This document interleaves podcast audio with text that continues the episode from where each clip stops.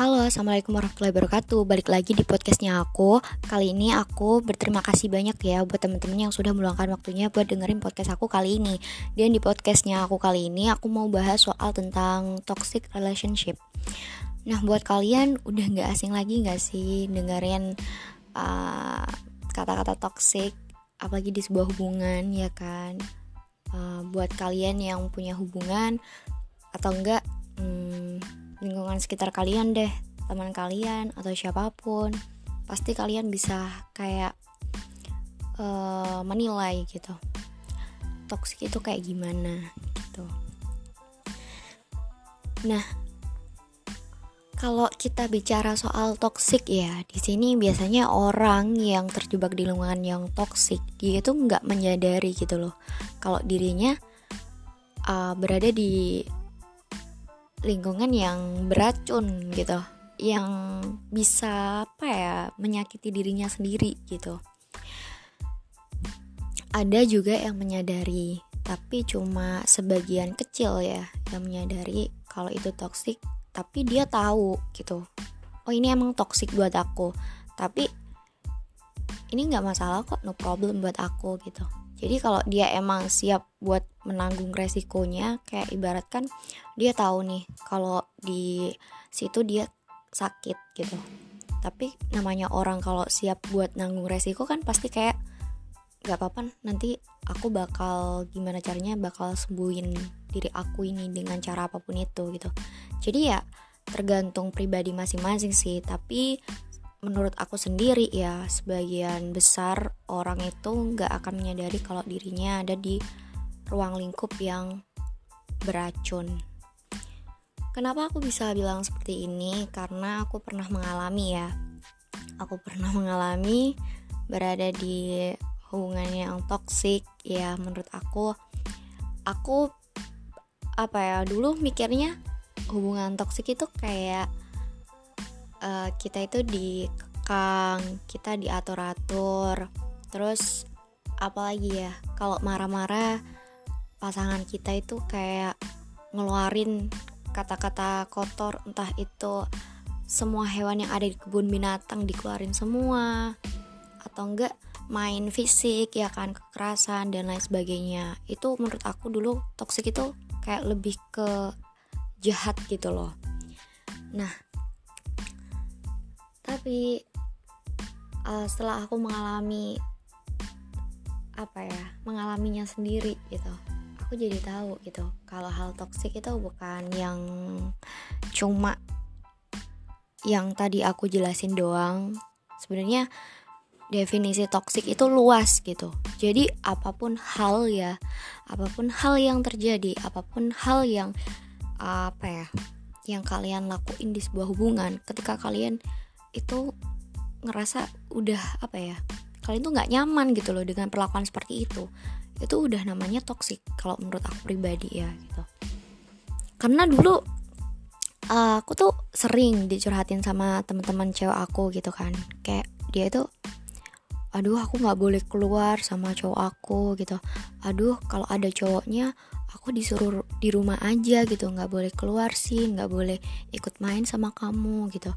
Atau enggak bentar ya Sin gitu. Aku mau telepon pacar aku dulu gitu. Kalau aku ada di sini sini sini sini sini gitu kan. Aduh Sin aku dimarahin Sin. Gini gini gini.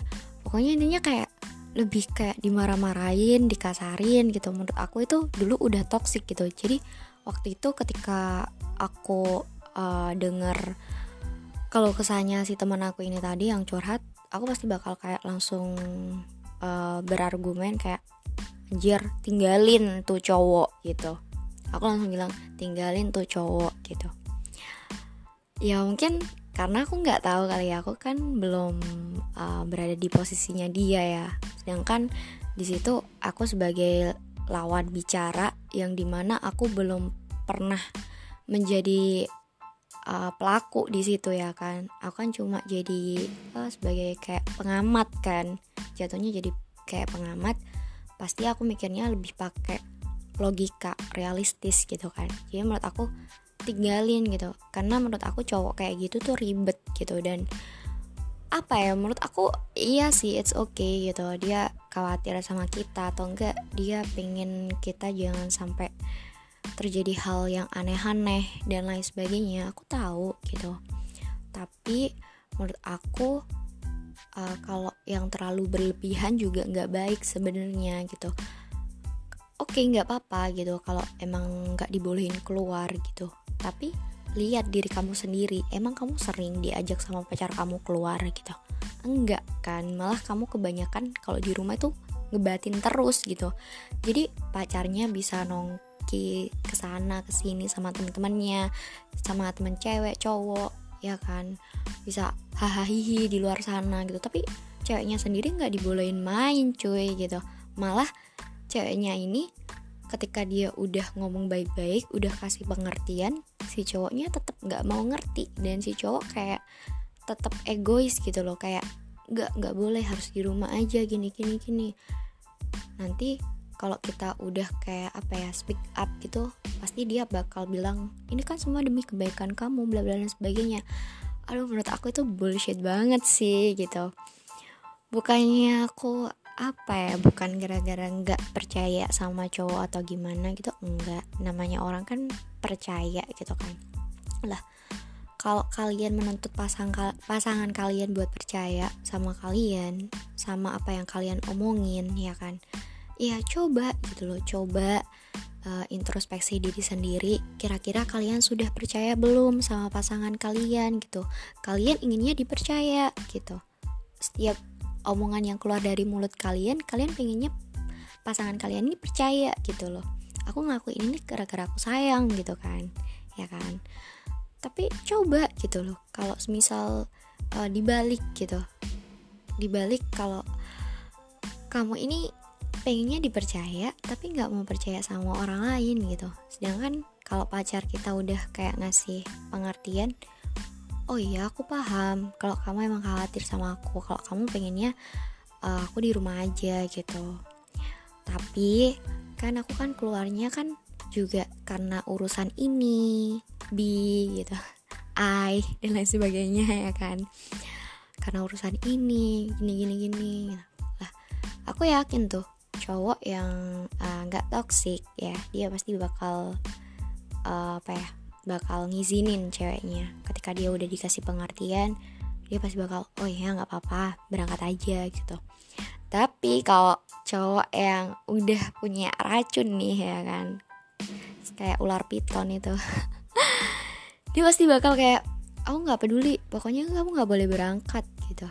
Kamu nggak sayang aku apa? Aku ini sayang sama kamu loh gitu. Aku ngelarang kamu kayak gini kan aku sayang gitu. Kamu tinggal nurut doang aja apa susahnya sih? gitu nah di situ udah si cewek udah kena bisanya si ular ini. Karena menurut aku apa ya sekali-kali emang jadi apa ya bukan pembangkang gitu enggak.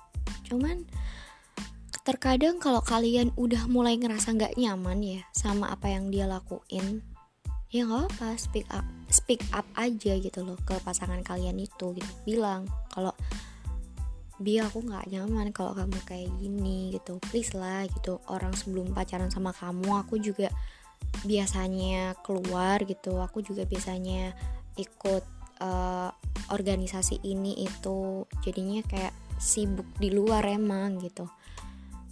Lah kalau udah dikasih pengertian seperti itu ya tapi cowok kamu malah tetap kekeh udah kayak paten gak bisa diubah pengennya semaunya sendiri gitu.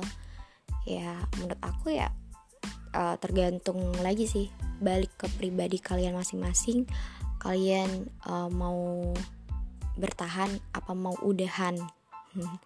Kalau kalian mau bertahan siap tanggung semua resikonya ya kan? Jangan ngeluh menurut aku ya. Kalau kalian udah ngerasa ini emang nggak bener gitu. Tapi kalian bakal terus jalanin. Besok besoknya lagi kalian curhat lagi dengan permasalahan yang sama. Orang yang kalian curhatin ini loh kayak lama-lama kayak udah apa ya gedek gitu loh sama kalian. Oke kalau orangnya apa ya sama-sama pakai perasaannya mungkin dia ngerti gitu apa yang kalian rasain. Tapi kalau dia lebih dominan pakai logika aku jamin ketika kalian curhat pasti dia pasti bakal anjir anak ini udah dikasih tahu ya kemarin tapi masih aja sekarang curhat persoalan yang sama gitu. Jatuhnya kayak gemes sama kalian yang ada gitu. Jadi itu tadi uh, pilihannya ada dua bertahan apa udahan. Kalau bertahan tanggung resiko. Kalau udahan aku jamin hidup kalian akan be better. Karena apa ya uh, kalau cerita dari pengalaman pribadi sendiri ya. Tadi kan uh, dari cerita temen aku. Kalau pengalaman pribadi aku tadi kan aku bilang kalau toksik itu cenderung ke kasar ya kan jahat gitu. Nah ada lagi nih toksik yang pernah aku lamin jadi uh, aku nggak tahu. Tapi ketika aku nemu spesies cowok modelan kayak begini aku jadi kayak anjir gitu. Kayak nggak pernah nyangka gitu. Ternyata um, ada gitu loh uh, ular tapi kepalanya itu kepala kelinci. Serius jadi kayak apa ya kepala kelinci maksud aku nah dia itu uh, memperlakukan kalian tuh dengan baik gitu loh. Dengan lembut lemah lembut gitu dengan cara ngertiin kalian gitu. Dengan cara baikin kalian gitu. Tapi uh, apa ya lama kelamaan di situ kayak dia kayak udah kebongkar gitu bahwa si ular yang berkepala kelinci ini itu ya mau dia ngumpetin apa sih namanya ekornya. Ekor gak sih? Ekor ularnya ya ekor ularnya itu. Kan cuma dari depan doang nih kelihatan kepalanya. Oh kepala kelinci ini kelinci gitu. Tapi lama kelamaan ya namanya ular gitu dia pasti nggak bakal bisa gitu loh ngumpetin ekornya gitu. Kalau emang si kelinci ini dasarnya emang ular bukan kelinci asli gitu. Jadi apa ya kayak mainnya main kalem mainnya main bagus gitu. Kayak udah pro banget jadi pemain gitu. Pemain uh, toxic ini tadi. Jadi ketika uh, si ular berkepala kelinci ini tadi lama kelamaan udah kelihatan gitu aku jamin gitu. Uh, lama kelamaan ketika uh, aku atau kalian ketika berada di posisi aku mengenali itu tadi juga bakal kebongkar gitu juga bakal kerasa gitu. Kok anak ini udah mulai beda ya gitu? Kok anak ini udah nggak kayak awal-awal ya gitu? Ini sebenarnya siapa sih yang di sini gitu kan? Jadi kayak kita tuh bingung gitu. Ini bener-bener uh, orang yang udah aku anggap tepat tapi ternyata salah cuy gitu salah gitu. Selama ini dia pakai topeng gitu. Bisa dibilang ini manipulatif juga sih gitu. Karena biasanya ya orang yang seperti ini yang mainnya uh, halus ya dia pasti bakalan nunjukin sisi-sisi baiknya awal sisi baiknya. Terus muncullah sisi uh, buruknya atau enggak toksiknya itu tadi. Terus kita uh, speak up nih kayak kamu kenapa sih kok jadi kayak gini sekarang? gitu. Kamu lo gini gini gini gini. Kita udah ngasih tahu kita udah ngasih arahan buat dia gitu. Terus dia langsung bilang kayak oke okay, aku minta maaf ya gitu. Aku nggak tahu kalau hal ini tuh bikin kamu sakit hati dan sebagainya gitu. Dia pasti bakal jawab seperti itu kan. Dan ya oke. Okay, sekali dua kali namanya cewek ya dia pasti bakal maafin. Ya kita pasti bakal maafin dan kita pasti punya pemikiran kayak oh nggak apa-apa. Mungkin ada kesempatan kali ya untuk dia berubah gitu ya kan? Tapi big no. Namanya kebiasaan itu benar-benar udah nggak bisa diubah. Namanya karakter itu juga paten nggak bisa di dirubah kalau nggak dari pribadinya sendiri yang mau berubah gitu. Jadi ucapan minta maaf tanpa ada uh, pembuktian untuk menjadi benar itu namanya penipuan guys gitu. Itu namanya manipulatif kan? Bilangnya iya aku minta maaf. Ayang sabar ya. Aku pasti bakal bisa berubah kok gitu. Jadi yang lebih baik lagi gitu. Duh ternyata kita nunggu satu bulan. Kita diemin tuh hal-hal itu kayak terulang lagi. Padahal sebenarnya kita sakit woi gitu. Kita sakit. Kayak mendapat perlakuan uh, toksik itu tadi. Tapi kita cuma diem ngebatin sebagai cewek gitu. Kita tunggu sampai dia kayak kapan ya berubahnya? Kapan ya berubahnya? Kita sebagai cewek tololnya di situ gitu. Tapi kita uh, ketika kita udah ngerasa capek gitu oh ini udah gak bener nih gitu aku capek aku capek nungguin waktu atau momen yang katanya dia mau berubah gitu kita disuruh sabar terus Padahal ya, padahal namanya sabar. Ini tuh someday pasti bakalan berubah jadi sadar gitu. Ketika kita udah bener-bener capek, ketika kita udah bener-bener nggak bisa bohongin perasaan diri kita sendiri. Kalau kita emang bener-bener gak kuat di situ. Nah, jadi mau gimana pun cowok dia minta maaf beribu-ribu kali gitu, nggak bakal mempan gitu. Karena seharusnya kalian bisa peka, kalian bisa ngerti gitu loh. Ketika kalian minta maaf satu kali dua kali pacar kalian maafin nih cewek kalian maafin. Nah belum tentu dari situ kalian langsung berpikiran oh nggak apa-apa besok lagi aku bakal kayak gini dia bakal maafin kok. Orang dia sabar banget orang dia juga nggak marah-marah. Masih aman bro. Satu kali dua kali gitu tapi kalau udah berkali-kali nih aku jamin pasti sabar itu berubah jadi sadar. Dan kamu nggak bakal bisa ngerubah keadaan yang di mana semulanya dia kayak pengen bertahan ya dia nggak segan-segan untuk melepaskan. Hmm, terus cerita apa lagi ya soal toxic? Uh, pokoknya aku nggak bisa sih mendefinisikan apa yang aku alami toxic itu seperti apa. Tapi ya itu tadi yang aku bilang namanya toxic definisi toxic itu sangat luas sekali ya kan? Jadi hal apa pun yang terjadi di hubungan kalian ketika kalian merasa nggak nyaman ketika kalian merasa kayak tertindas tersakiti itu udah namanya toxic buat diri kalian. Jalan keluarnya itu tadi kalau mau diomongin dikomunikasiin sama pasangan kalian ya it's okay gitu. Tapi susah-susah gampang kalau kalian ngomong sama pasangan yang toksik gitu. Kayak ma maju kena mundur kena gitu. Jadi nanti jatuhnya bisa aja playing victim ke kalian gitu. Jadi ketika kalian kayak gini gini gini dia pasti nyalain gitu. Ujungnya kayak nyalain nyalain nyalain nyalain. Aduh. Kayak ah pastilah kalau kalian mau pengen bertahan aku jamin gitu. Aku jamin kalian pasti bakal sadar ketika kalian udah bener-bener kayak uh, apa ya udah terbiasa tanpa dia gitu. Karena gini uh, ketika kalian nih berada di hubungan yang toksik kalian gak dibolehin ini itu segala macem dan sebagainya. Tapi pacar kalian ngelakuin hal itu gitu. Misal gak dibolehin main tapi pacar kalian suka main oke pacar kalian suka main. Akhirnya di situ kalian mencari sebuah uh, kegiatan rutinitas yang di mana kalian itu memper, mempersibuk diri kalian entah itu dengan baca buku entah itu dengan hobi kalian yang menulis kalian kembangin lagi ya kan? Atau itu dengan kalian bikin podcast atau kalian uh, apa ya beralih jadi influencer dan lain sebagainya. Intinya kalian nggak main kalian nggak main tapi waktu luang kalian ini kalian isi dengan kegiatan-kegiatan yang di mana nggak ngelibatin dia sama sekali gitu.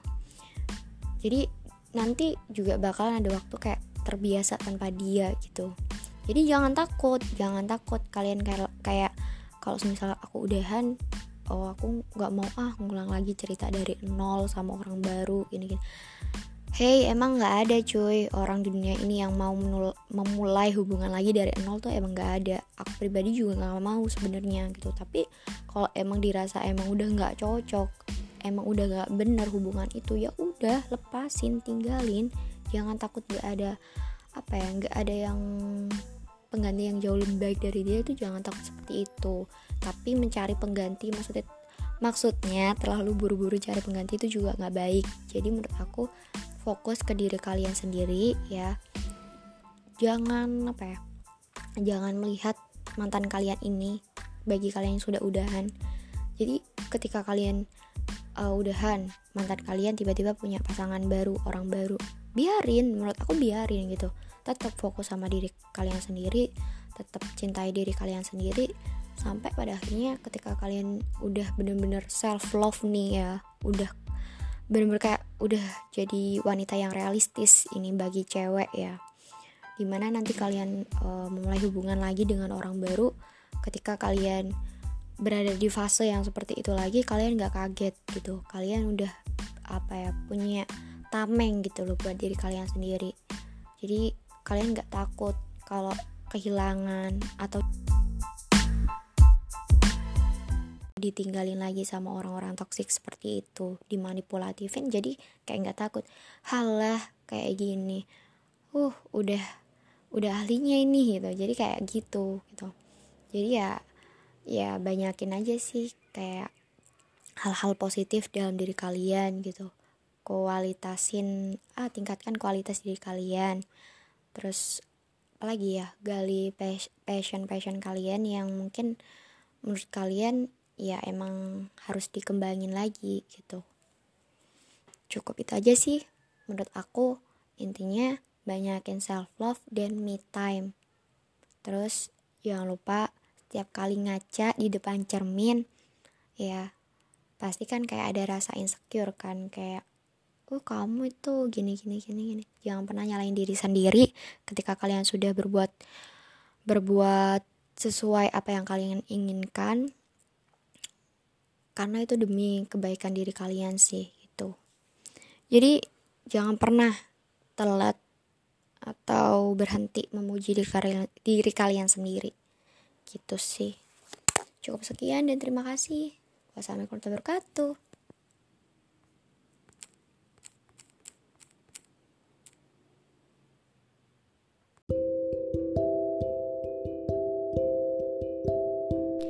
Halo assalamualaikum warahmatullahi wabarakatuh. Balik lagi di podcastnya Sinta. Sebelumnya Sinta sangat berterima kasih banyak ya Buat teman-teman yang sudah meluangkan waktunya Untuk dengerin podcastnya Sinta kali ini. Meskipun podcastnya Sinta agak random sih ya Tapi ya gak apa-apa lah. Pokoknya terima kasih banyak buat teman-teman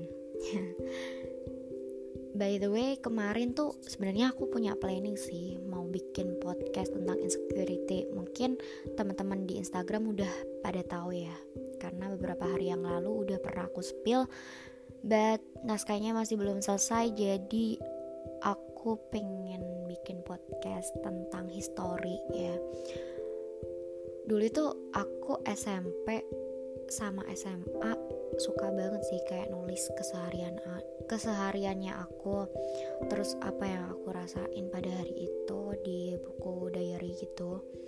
Jadi ini aku mau baca ya sebuah diary aku yang pernah aku tulis di tahun 2017 yang di mana bertepatan dengan umur aku yang 17 tahun waktu itu. Nah mungkin waktu itu apa sih istilahnya um, Sweet Seventeen. Nah mungkin waktu itu kayak Sweet Seventeen itu kayak momen-momen yang paling bahagia ya momen-momen yang paling manis ya untuk kita ya generasi muda. Um, karena di umur-umur segitu kayak katanya sih menginjak umur dewasa gitu. Makanya istilahnya kan Sweet Seventeen 17 tahun yang manis.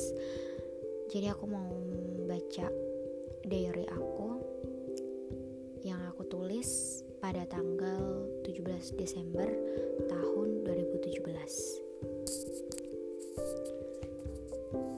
Dear Diary Gak terasa ya Bentar lagi Aku sudah berumur 18 tahun Tapi tahun depan sih Sekarang aku 17 tahun. Tapi gak terasa juga. Udah lima tahun loh kita gak berkumpul bersama. Sinta pengen dapet kejutan dari ayah dan ibu. Sebenarnya Sinta pengen dapat kado, kado kebersamaan dari kalian berdua. Tapi kayaknya gak mungkin bisa. Ayah, ibu, Sinta memang udah dewasa. Tapi Sinta juga masih butuh perhatian dari kalian berdua. Ayah, ibu, Sinta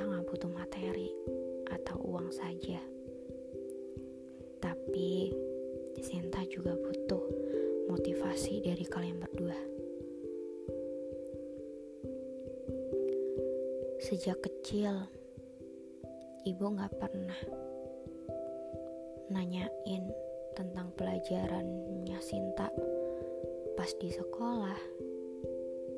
Sinta udah makan apa belum? Dan masih banyak lagi. Tapi di samping itu ada ayah yang bisa memahami aku bahkan selalu memanjakan aku.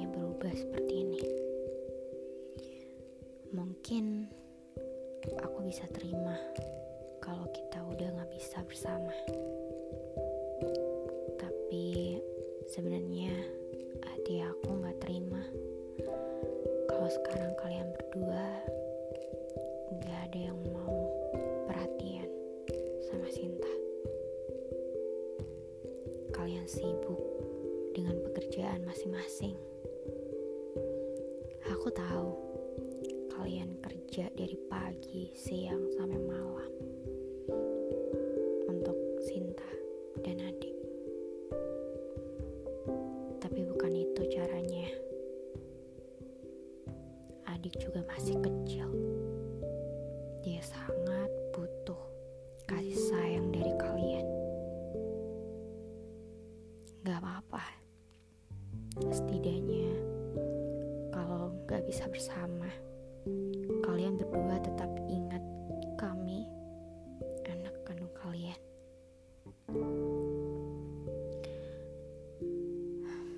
Harus kalian sadari, gak ada satupun anak di dunia ini yang rela kedua orang tuanya berpisah, termasuk juga Sinta.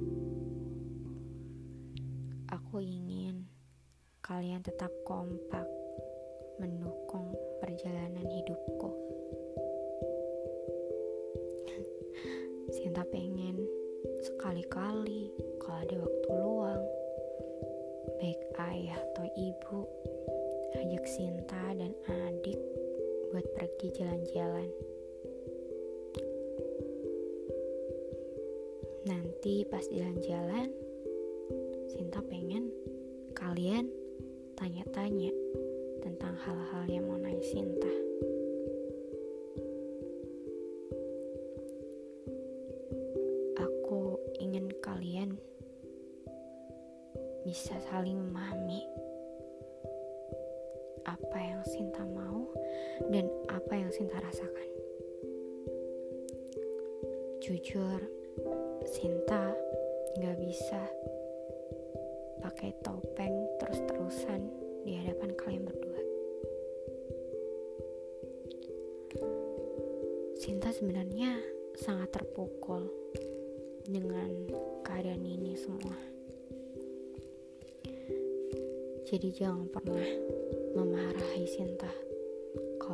Lebih menghabiskan waktu di luar rumah.